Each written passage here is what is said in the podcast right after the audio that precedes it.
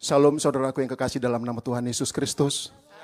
Haleluya. Pada pagi hari ini kita akan beribadah kepada Tuhan.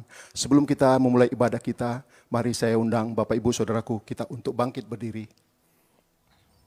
Mari kita persiapkan hati kita untuk menyembah memuji nama Tuhan. Sebelumnya kita mari berdoa. Bapa di surga, Bapa yang kami sembah dalam nama Tuhan Yesus Kristus. Pada pagi hari ini kami datang Tuhan untuk memuji memuliakan namamu. Biarlah kiranya Tuhan, kami membawa hati kami, membawa persembahan kami kepadamu Tuhan. Sebagai persembahan yang hidup di hadapanmu Tuhan. Ini kami umatmu Tuhan, ingin menikmati kasihmu melalui ibadah pagi hari Tuhan. Biarlah kiranya namamu dimuliakan di dalam ibadah ini. Hamba-hambamu yang ikut ambil bagian di dalam pelayanan ini, semuanya engkau berkati. Dan juga umatmu yang ada di tempat ini, dan juga yang ada di rumah masing-masing Tuhan, juga Tuhan memberkati. Terima kasih Bapak yang baik, terima kasih.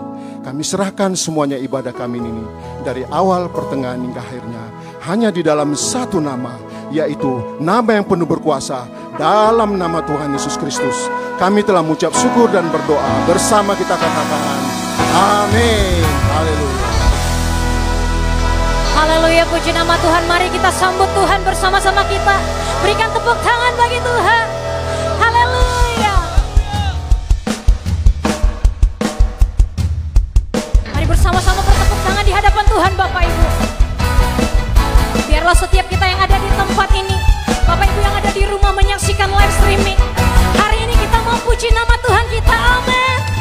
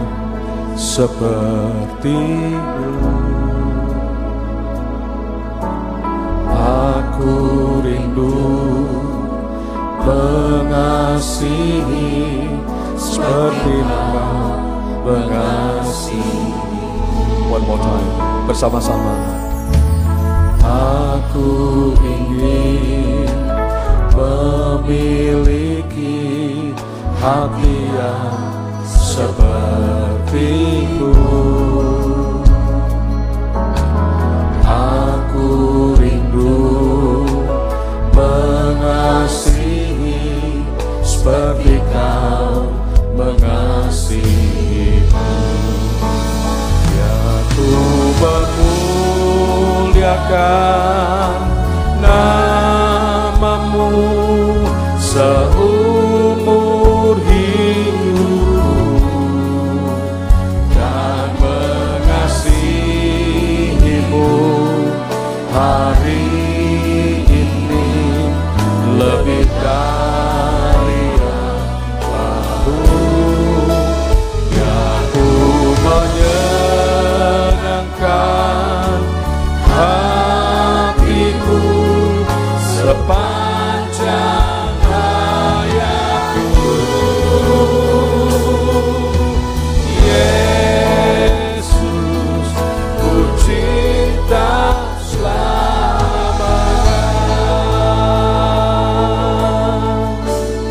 Bapa di surga Bila pada pagi hari ini Tuhan berkenan atas semua persembahan, pujian, dan penyembahan kami serta doa-doa kami.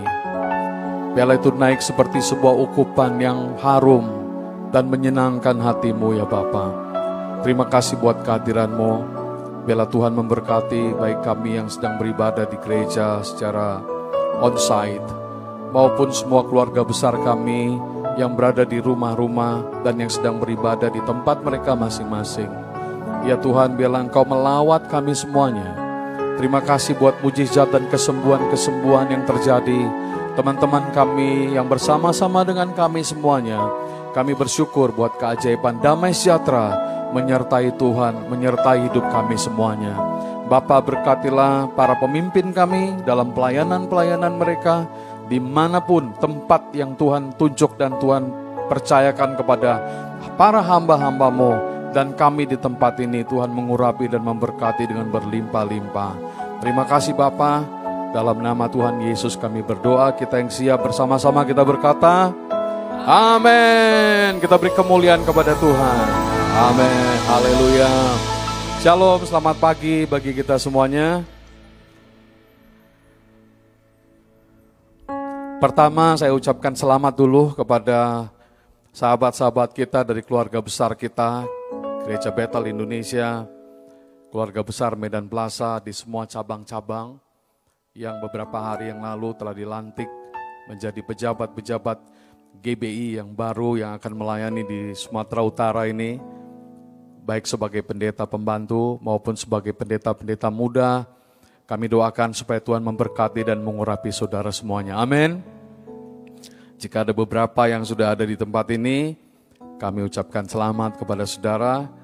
Uh, Tuhan kiranya memakai dan mengurapi saudara semuanya.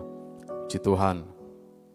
Pada pagi hari ini, saudara kita akan menyambung renungan khotbah dan renungan firman Tuhan dengan tema doa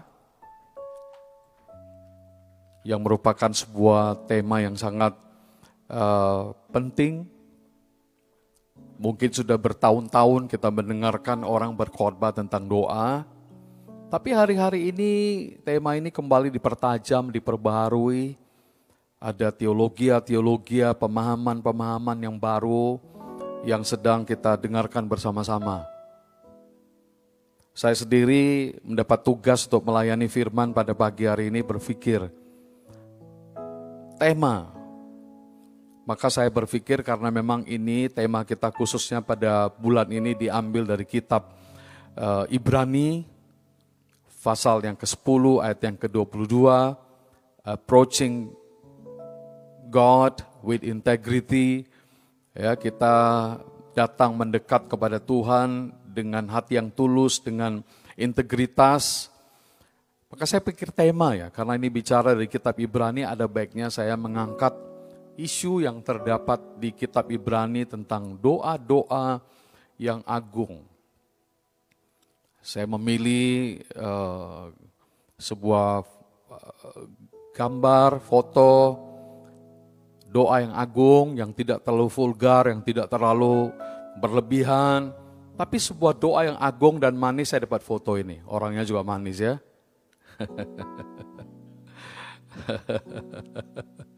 Saudara lihat anggun ya, doanya, uh, posisi doanya, nggak terlalu berlebih-lebihan gitu ya. Cantik sekali. Itu gambaran keagungan, saudara. Terima kasih, saya pinjam Reni dulu. Baik Bapak Ibu Saudara, karena ini bicara dari konteks kitab Ibrani, saya pikir saya perlu memberikan sedikit pemahaman kepada saudara tentang kitab Ibrani itu. Bukan untuk membawa ini saudara pusing dengarnya, bawa dalam sekali, no. Tapi sebenarnya saya ingin khotbah itu juga menjadi edukasi buat kita. Kita ngerti saudara. Kita ngerti konteks apa yang kita sedang bicarakan. Maka saya ingin dengan cepat memberitahu kepada saudara latar belakang kitab Ibrani yang ditulis tahun lebih kurang 67 Masehi. Walaupun ada beberapa pendapat, biasalah orang-orang teologi ini kan banyak sekali pendapat ya para ahli ya. Ada yang seratusan, ada yang sembilan puluhan, ada yang... Tapi kebanyakan 67, sekitar 65 ke atas. Di bawah 70 masehi. Karena tahun 70 bait suci itu sudah dimusnahkan eh, dalam penjajahan Kaisar Titus pada waktu itu. Nah jadi saudara kemungkinan besar banyak yang mengatakan tahunnya lebih kurang 67 Masehi. Baik, dengan cepat sedikit latar belakangnya, Saudara, tidak ada kitab perjanjian baru yang sama dengan surat ini. Susunan, gaya penulisannya sangat istimewa. Kitab ini sangat indah sekali. Dan terkenal sebagai salah satu kitab perjanjian baru yang memiliki nilai kesusastraan bahasa Yunani yang sangat tinggi. Jadi makanya susunan gaya tulisannya sangat istimewa. Yang kedua persoalan yang dibicarakan di dalam kitab Ibrani juga persoalan yang sangat penting, krusial. Karena ini orang-orang yang sudah percaya kepada Kristus itu sedang digoncang imannya dan sedang memurtad gitu. Sedang akan meninggalkan iman mereka dan di situlah penulis kitab Ibrani ini menulis suratnya ini. Untuk mencegah mereka jatuh. Lalu yang ke yang keempat itu tidak ada di dalam buku ini nggak ada sudah lihat seperti kitab-kitab Paulus yang lain atau surat-surat yang lain ada pembukaan salam aku hamba rasul Yesus Kristus ada salam biasanya tapi di kitab Ibrani nggak ada salam-salam itu tapi yang ada penutup ada salam penutup ada salam pembukaan nggak ada saudara bisa cek nanti ya Kemudian dari awal sampai penutup kitab ini tidak pernah disebutkan siapa nama penulisnya. Apakah Paulus, apakah Barnabas, apakah Lukas, apakah Apolos. Enggak ada orang yang memastikan sampai hari ini siapa penulis kitab ini. Kita lanjut. Nama Apolos muncul, disebut-sebut karena direkomendasi oleh Martin Luther dan didukung oleh banyak sarjana Alkitab. Kenapa? Karena Apollos itu dianggap sebagai seorang Alexandrian, seorang filsuf yang hebat. Jadi dia seorang Alexandrian, seorang Kristen Yahudi, kepandaian yang menonjol, memiliki kemampuan oratorik, jago berbicara. Dan dia seorang Yudais yang dipengaruhi oleh Plato dan kegemarannya adalah alegori. Banyak mencoba untuk menjelaskan secara alegori dan dia sering-sering disebut sebagai penulis. Walaupun itu tidak tahu pastinya siapa. Ada sedikit referensi dalam kisah Rasul 1824 itu disebut Apolos ini adalah seorang yang mahir dalam soal-soal kitab suci. Dia seorang yang fasih berbicara, sangat mahir dalam soal-soal kitab suci. Itu makanya muncul namanya. Karena mereka melihat ini gaya tulisan kitab Ibrani ini beda ini. Bahasa Yunani sastranya tinggi banget gitu. Gak mungkin Paulus, karena surat-surat Paulus Yunaninya biasa-biasa aja. Tapi kok surat Ibrani ini beda gitu. Sangat halus dan dalam, saudara. Kitab Ibrani ditulis kepada orang Kristen Yahudi yang pada waktu itu sedang mengalami penganiayaan dan keputusasaan. Dan mulai meninggalkan iman, mulai mau murtad. Dalam bahasa teologi itu disebut apostasia. Sedang mengalami apostasi. Penulis berusaha untuk memperkuat iman mereka kepada Kristus dan menjelaskan kepada mereka secara teliti keunggulan dan ketegasan pernyataan Allah dalam penebusan di dalam Yesus Kristus.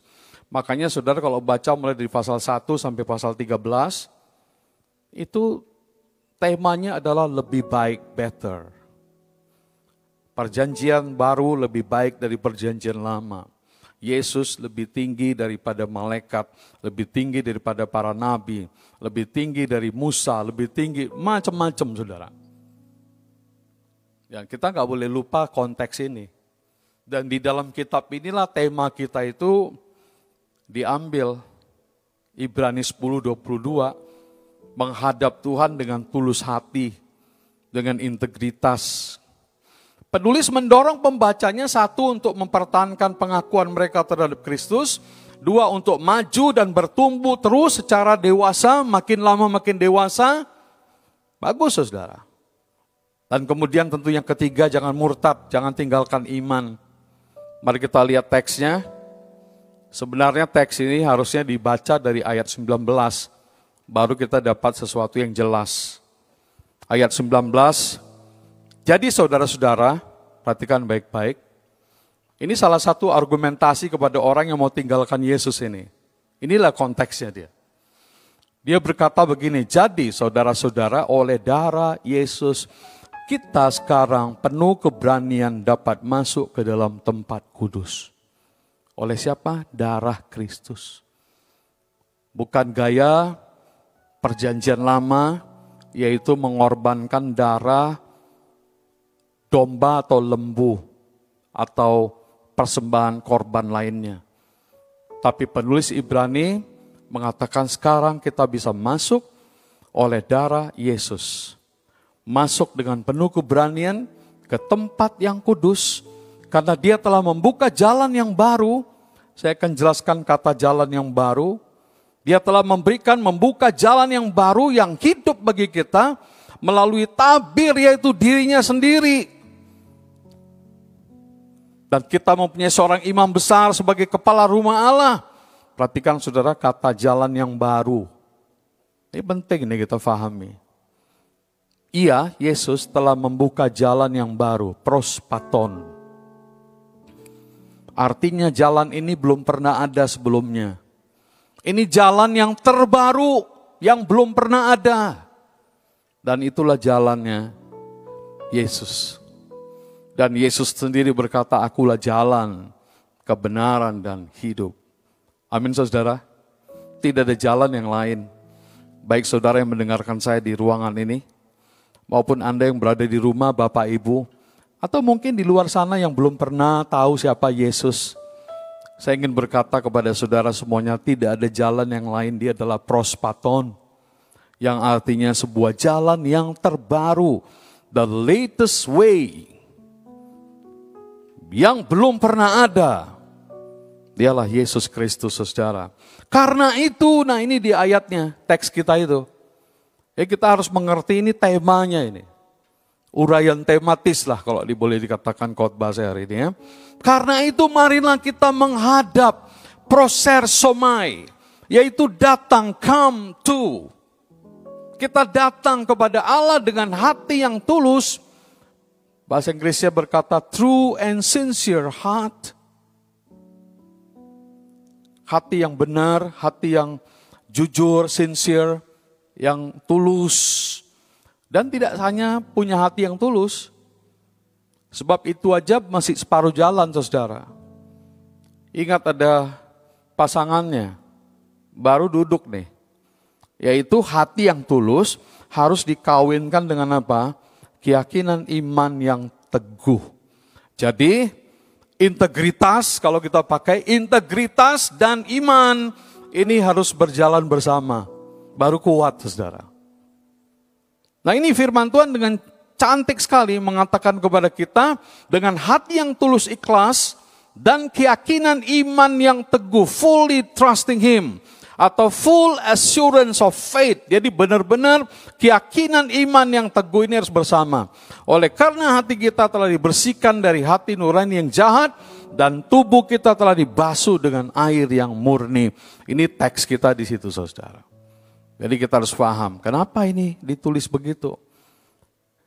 Penulis Ibrani sedang berkata, kalian harus punya integritas. Sama mereka-mereka yang sudah percaya tapi mau murtad. Hari ini juga banyak begitu kan? Karena kesulitan, karena goncangan, karena masalah, Anda yang telah percaya kepada Yesus mau mundur. Lalu datanglah nasihat ini, karena itu marilah kita menghadap Tuhan dengan hati yang tulus, dengan integritas. Baliklah Jangan tinggalkan Tuhan. Jangan murtad. Jangan berbalik lagi.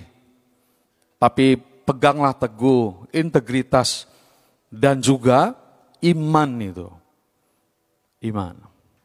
Bapak Ibu Saudara, kita semua tahu dulu bangsa Israel tidak bisa datang sembarangan. Harus ada imam yang ditunjuk untuk melaksanakan tugas itu. Tapi beda dengan zaman perjanjian baru.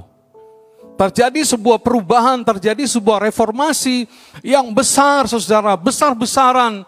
Di mana setiap orang dapat menghadap Allah sekarang, Gak perlu ada imam, gak perlu ada korban-korban yang lain. Tapi setiap orang dapat datang kepada Allah melalui satu perantara yang tunggal, yaitu Yesus Kristus Tuhan dan Juru Selamat kita. Semua berubah saudara.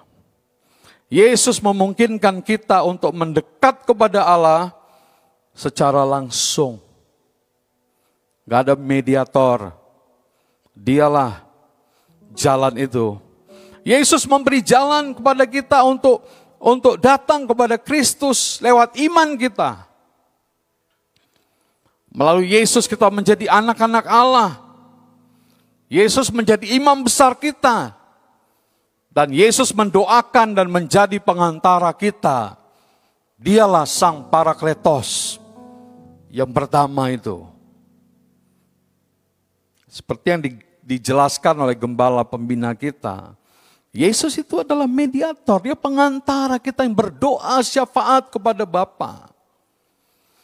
Jadi sejak Yesus datang semua berubah saudara. Saya teringat satu lagu yang sudah lama sekali ya. Boleh kita coba lagu itu?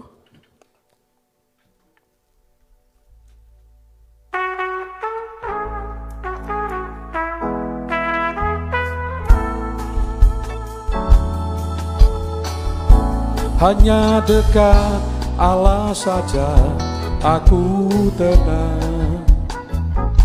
Daripada nyala keselamatanku. Hanya dia gunung batuku Hanya dia kota bentengku. Tidak akan goyah selama-lamanya. Sekali lagi dari awal Hanya dekat Allah saja Aku tenang. Daripada nyala keselamatanku.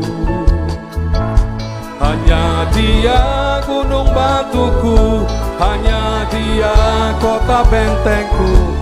Aku tidak akan goyah selama-lamanya. Hanya dia gunung batuku Hanya dia kota bentengku. Aku tidak akan goyah selama-lamanya.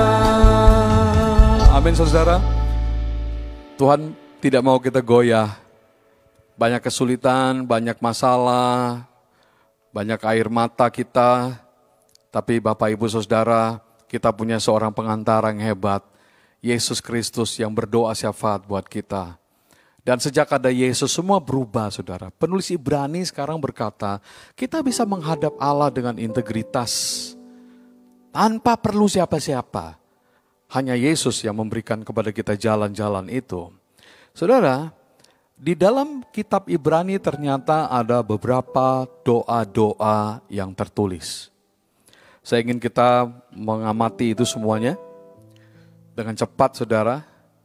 Yang pertama, itu makanya tema saya doa-doa yang agung yang ada di kitab Ibrani itu.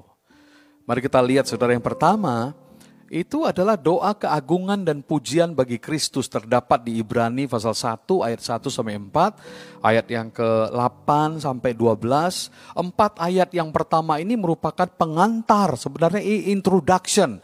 Hebat saudara, saya nggak pernah baca kitab perjanjian baru yang begitu langsung to the point, nggak ada intro introduction apa-apa, salam pembukaan nggak ada, tapi dia langsung bicara kepada isu saudara. Kalau kebaktian itu langsung panggil orang altar altar call gitu. Saudara ngerti? Langsung kasih altar call. Seperti itulah penulis Ibrani itu kayaknya seperti ada sebuah uh, api yang begitu membara di hatinya.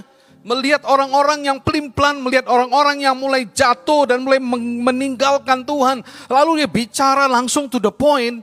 Wah luar biasa dia katakan pada zaman dahulu Allah berulang kali dalam pelbagai cara berbicara kepada nenek moyang kita dengan perantara nabi-nabi. Dengar. Tapi pada zaman akhir ini ia telah berbicara kepada kita dengan perantaran anaknya. Lalu dia mengatakan bahwa anaknya itu adalah cahaya kemuliaan Allah. He is the radiance, the brightness of God's glory.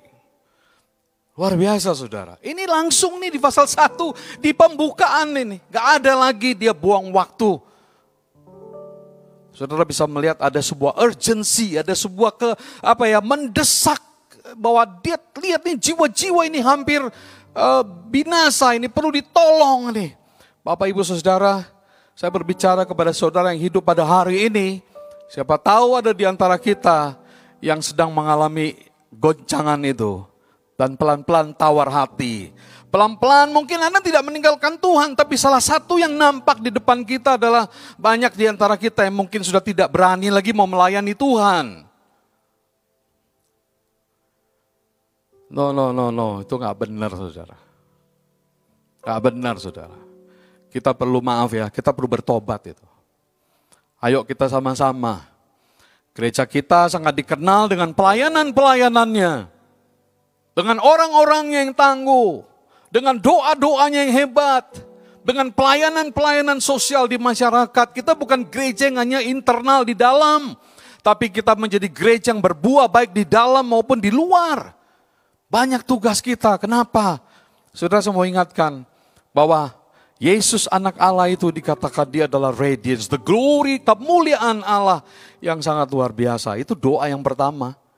Di dalam kitab Ibrani pasal 1 itu kalau saudara bongkar baca, kita nggak ada waktu, saya hanya singgung saja. Kemudian yang kedua, doa mohon rahmat dan kasih karunia. Ibrani 4:16 sangat terkenal. Ayat ini berkata, sebab itu marilah kita dengan penuh keberanian ini adalah sebuah welcome, saudara. Kata keberanian diambil dari kata parhesia, yang artinya marilah kita jujur. Nah, itu dia, saudara. Marilah kita jujur menghampiri tahta kasih karunia supaya kita menerima rahmatnya dan menemukan kasih karunia untuk mendapatkan pertolongan kita tepat pada waktunya. Saya teringat seorang teologian yang bernama Calvin, Calvin berkata begini, tahta Allah dihiasi oleh kasih karunia. Amin saudara. Jadi tahtanya Tuhan itu dihiasi dengan uh, kasih karunia. God's grace. Jadi setiap kali kita datang ke tahta itu, maka kita datang kepada kasih karunia Tuhan. Yang tidak akan pernah habis-habis sampai hari ini. Bisa katakan amin saudara. Bisa beri kemuliaan kepada Tuhan. Kita bersyukur buat kasih karunia Tuhan yang luar biasa dahsyat. Kalau begitu mengapa kita tidak datang lebih sering kepada tahta kasih karunia itu supaya kita menerima rahmat dan menemukan kasih karunia dan pertolongan tepat pada waktunya. Ayo dong. Bapak Ibu Saudara yang di rumah, ini saatnya kita datang ke situ. Kita datang ke tahta kasih karunia Tuhan yang penuh dengan dengan dengan kasih karunia, dengan kemuliaan yang luar biasa. Wesley Duewell berkata, Iblis gemetar ketika melihat anak Tuhan yang paling lemah sedang berlutut berdoa. Yang paling lemah sekalipun.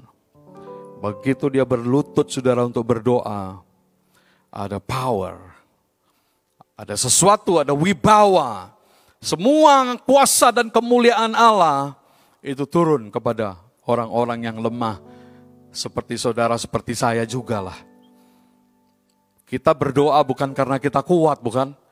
Kita justru berdoa karena kita lemah. Tuhan, aku perlu Engkau. I need you, Lord. Yang ketiga, doa ketaatan Kristus. Ini mengharukan sekali, tapi itu ada di dalam kitab Ibrani yang disebut dengan the grace of tears. The grace of tears, Ibrani 5 ayat 7. Mari saudara perhatikan dan saya ajak saudara untuk membaca ayat ini. Ya, saya baca dengan suara yang kuat, saudara baca dalam hati. Ayatnya ada di depan, saya katakan demikian Ibrani 5 ayat 7. Begini bunyinya, dalam hidupnya sebagai manusia, hidup siapa? Yesus dalam hidupnya sebagai manusia dia telah mempersembahkan doa, permohonan dengan ratap tangis dan keluhan kepada dia yang sanggup menyelamatkannya dari maut dan karena kesalehannya ia telah didengarkan. Ini disebut the grace of tears. Yesus banyak menangis saudara. Ya kalau saudara periksa Alkitab uh, dia banyak sekali menangis dengan ketaatan, bukan cengeng, bukan uh, semacam sekedar buat-buat begitu, enggak saudara. Tapi di tangisan ketaatan. Dan kita memang tidak bisa berdoa dengan tulus hati tanpa ketaatan, saudara. Tidak bisa. Ada sebuah kutipan anonim yang berkata satu ketaatan lebih berharga daripada satu ton doa. Satu ketaatan. Penting sekali saudara. Mari kita cek aja dengan cepat tangisan Yesus dalam Injil. Yohanes 11, 33, 38, peristiwa Lazarus. Alkitab berkata, maskullah hati Yesus. Dalam bahasa Inggris dikatakan, Jesus wept. Menangis ya Lalu Yohanes 11:35, Yesus menangis di depan kuburan Lazarus. Matius 9:36 dan seterusnya tergeraklah hati Yesus oleh belas kasihan. Waktu melihat jiwa-jiwa, waktu melihat orang kelaparan, gak ada makanan, gak ada minuman. Waktu itu hati Yesus melihat orang sakit, hatinya tergerak oleh belas kasihan. Esplax nista, yang artinya itu seolah-olah isi dalam perut Yesus tumpah keluar. Menggambarkan sebuah goncangan emosi yang tidak bisa digambarkan dengan kata-kata. Dengar, waktu dia masuk kota Yerusalem, Yesus menangis melihat kota Yerusalem. Dia menangisi kota itu, saudara. Beda doa-doanya. Doa-doanya tidak pernah mendoakan dirinya sendiri, tapi ketika dia melihat orang banyak, dia menangis. Melihat Yerusalem, dia menangis. Dia menangis di taman Getsemani. Waktu dia berdoa, menjelang-menjelang hari yang sangat mengerikan, menakutkan itu. Tangisan itu bukan karena dia takut pada kematian di kayu salib, tapi tangisan itu adalah karena dia tahu apa artinya terpisah dari bapaknya untuk selama-lamanya. Dia nggak bisa pisah dari bapaknya. Air mata yang mengalir dari mata Yesus bukan tanda dia lemah, tapi itu merupakan tanda sebenarnya betapa kuatnya dan perkasanya hatinya. Air mata yang keluar itu adalah air mata komitmen. Air mata yang keluar itu bukan air mata kekecewaan, tetapi air mata itu adalah air mata karena hatinya dan hidupnya diberikan sepenuhnya kepada dunia ini. Untuk keperluan khotbah saya, maka saya lompat. Ini sebenarnya harusnya yang kelima, tapi saya lompat ini jadi yang keempat. Sebenarnya ini yang terakhir, yaitu diambil dari Ibrani 13, doa berkat. Jadi ada macam-macam doa di kitab Ibrani, agung semua, majestic banget. Ibrani 13, 20, 21, meskipun surat ini memuat begitu banyak peringatan-peringatan yang keras dalam perjanjian baru, tetapi dia memiliki sebuah doa berkat yang sangat indah dalam Alkitab. Doa berkat ini adalah sebuah doa kepada Allah bagi orang Kristen Ibrani. Doa berkat ini juga merupakan nyanyian yang sangat indah dan harmonis. Bagaimana bunyinya? Perhatikan ini bunyi doanya. Maka Allah damai sejahtera yang oleh darah perjanjian yang kekal telah membawa kembali dari antara orang mati gembala agung segala domba yaitu Yesus. Kembali saudara perhatikan konteksnya, benang birunya itu mereka-mereka yang goncang itu saudara. Lalu dia katakan, Dialah kiranya memperlengkapi kamu dengan segala yang baik untuk melakukan kehendaknya dan mengerjakan di dalam kita apa yang berkenan kepadanya oleh Yesus Kristus. Bagi dialah kemuliaan sampai selama-lamanya. Amin. Dan yang terakhir, ini saudara, doa dengan tulus hati. Alkitab berkata, marilah kita menghadap Tuhan dengan tulus hati Itulah teks kita hari ini. Saudara saya harap sudah mengerti temanya. Kenapa ada doa seperti itu? Ya, jangan lagi murtad, jangan lagi tinggalkan Tuhan, tapi datang kepada Tuhan dengan tulus hati. Ibrani 10:22 karena itu marilah kita menghadap datang kepada Allah dengan hati yang tulus, ikhlas dan keyakinan iman yang teguh. Oleh karena hati kita telah, telah dibersihkan dan hati nur dari hati nurani yang jahat dan tubuh kita telah dibasuh dengan air yang murni berani 10 dan seterusnya sampai ayat 22. Ada sebuah kutipan dari orang ini yang saya kutip. Biasanya kita ngutip orang lain, saudara. Tapi kali ini nggak ada bahan lain paksa dari orang inilah saya kutip bahan itu ya. Dia berkata begini, orang yang menghadap Tuhan dengan integritas dan hati yang tulus, harus juga menghadap dia dengan iman yang teguh. Itu mata koin yang gak bisa saudara pisahkan. Hari ini kita tidak hanya datang dengan integritas, tapi kita juga harus datang dengan iman kita. Bisa bilang amin. Amin saudara. Ya. Doa merupakan nafas orang Kristen, Doa itu adalah komunikasi antara diselamatkan dan dengan juru selamatnya. Doa merupakan persatuan dari kehendak yang diciptakan dan kehendak yang menciptakan. The unity of the will of the created one and the creator. Saya suka kali Elaniel berkata, pray is a lifestyle. Doa itu adalah sebuah lifestyle. Sebuah memang cara hidup kita. Not an emergency exit Bukan sebuah pintu emergensi buat kita. Kapan susah, kapan kita perlu baru kita berdoa. Ini bukan pintu emergensi, bukan pintu darurat saudara. Itu makanya kita perlu berdoa dengan hati yang tulus dan dengan iman yang teguh. Baru lengkap. Baru lengkap saudara. Doa penting sekali, Alkitab mengatakan bahwa kita sering tidak tahu bagaimana berdoa. Lalu siapa yang tahu bagaimana caranya kita berdoa? Kita hanya selalu minta-minta kalau kita berdoa. Kita mau supaya Tuhan menyesuaikan dengan kehendak kita. Banyak orang Kristen dan gereja tidak menyelidiki baik-baik teologi doa yang diajarkan oleh Alkitab. Lalu kalau kita tidak tahu siapa yang bisa bantu kita berdoa? Roma 8, 26, 27 berkata, demikian juga roh.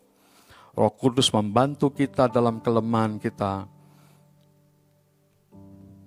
Sebab kita tidak tahu bagaimana sebenarnya harus berdoa.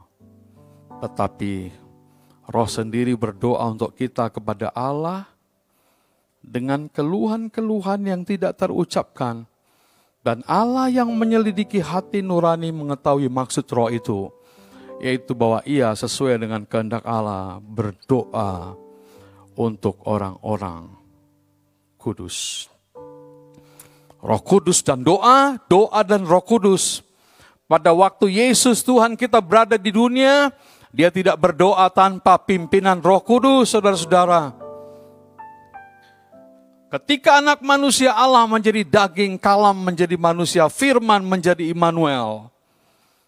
Dia sendiri memerlukan pimpinan Roh Kudus ketika dia berdoa. Bagaimanakah kita? Siapakah kita yang berdoa dan merasa tidak perlu dipimpin oleh Roh Kudus? Mari kita berdiri semuanya.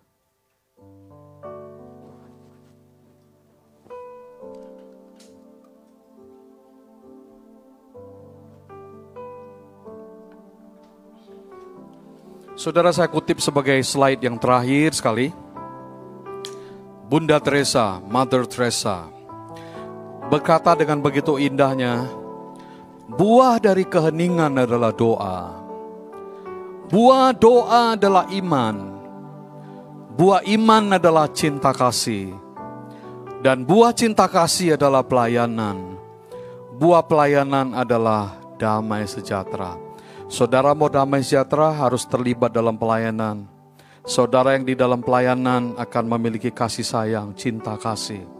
Saudara yang punya cinta kasih akan lahir dari iman saudara. Dan iman itu datang dari doa-doa saudara. Dan doa saudara itu akan tercipta dengan begitu dahsyat dan kuat ketika engkau bisa hening dan tenang di hadapan Tuhan. Itulah yang akan membuat doa-doamu menjadi doa-doa yang agung majestic, integritas, dan penuh iman, saudara. Mari kita angkat pujian ini dan kita tutup. Dia buka jalan. Dia buka jalan saat tiada jalan.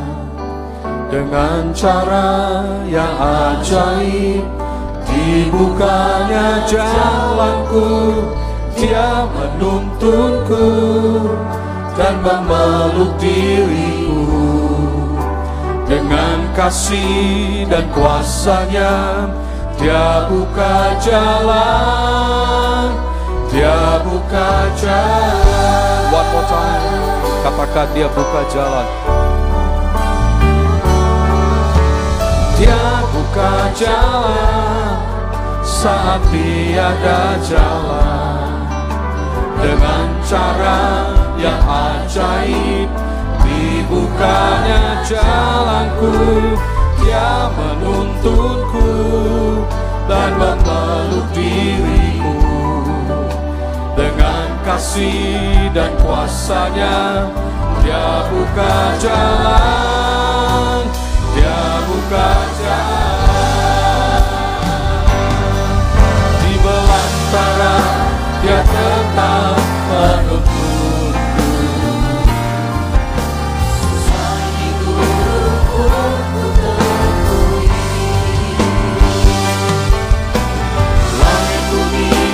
lenyap Tapi firmannya tetap. Saat ini dia buka jalan. God will make a way. God will make a way. When there seems to be no way. He works in ways we cannot see. He will make a way for me me closely to his side. With love and strength for each new day, he will make a way. He will make a way. Mari kita tenang berdoa. Semua saudara yang berada di ruangan gereja maupun yang berada di rumah, atau berada di luar di tempat saudara sedang beristirahat atau berdoa, di mana pun saudara berada, berdoalah sejenak dengan tenang, renungkanlah betapa indahnya tulisan doa yang ada di dalam kitab Ibrani. Sekarang saudara mengerti bagaimana cara datang kepada Tuhan dengan penuh integritas, disertai dengan iman yang teguh. Bapak hamba berdoa supaya Tuhan memenuhi relung-relung hati kami semuanya. Dengan ketenangan, dengan damai sejahtera, dengan kejernian-kejernian, dengan pengertian-pengertian, pemahaman, pengetahuan-pengetahuan, tapi juga dengan iman yang kuat dan ketulusan hati kami. Berkati para pemimpin rohani kami, kami berdoa bagi Bapak Pendeta Dr. Insinyur Niko Nyoto Raharjo dan semua para pemimpin yang ada di pusat. Kami berdoa bagi para pemimpin kami di tempat di mana kami melayani bersama-sama. Berkati hambamu Bapak Gembala Sidang kami yang kami kasih, Bapak Pendeta Daniel Edi Prajitno bersama dengan Ibu Intan, Melsa, dan Yuda. Tuhan kau memberkati juga Gembala Pembina kami, Bapak Pendeta Bambang Yonan, Ibu Santi, Alfred, dan Tiffany. Tuhan memberkati semua wakil-wakil gembala.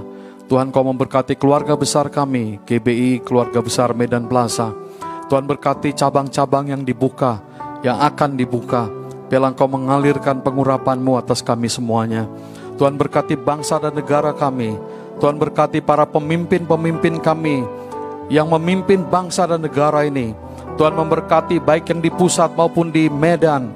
Kami berdoa bagi Gubernur Sumatera Utara, bagi Wali Kota Medan. Tuhan kau memberkati mereka dan menyertai hamba-hambamu ini. Kami katakan shalom bagi Yerusalem. Diberkatilah puri-purinya dan tembok-temboknya. Orang yang mencintaimu mendapatkan sentosa. Tuhan berkati semua jemaat kami, berkati semua pelayanan kami, berkati seluruh persembahan-persembahan yang diberikan. Biarlah setiap orang yang menabur akan menuai berlipat-lipat kali ganda. Terpujilah Tuhan, kami mengucap syukur, kami mengucap syukur. Bapak Ibu Saudara sekalian, marilah kita mengangkat tangan kita. Anugerah berkat yang berlimpah-limpah dari Allah Bapa, kasih sayang dari Tuhan dan Juru Selamat kita yaitu Yesus Kristus. Di dalam persekutuan yang manis dengan roh kudus menyertai kita sekalian mulai saat ini sampai Maranatha. Yesus datang kali yang kedua. Semua yang percaya diberkati bersama-sama kita berkata. Amin. Selamat hari Minggu, happy Sunday. Shalom, Tuhan memberkati saudara semuanya. Bagi Bapak Ibu yang ingin mengetahui kegiatan gereja dapat mengakses informasi di seluruh akun sosial media keluarga besar GBI Medan Plaza. Sekali lagi selamat hari Minggu Bapak Ibu, tetap sehat selalu, Tuhan Yesus memberkati. Shalom.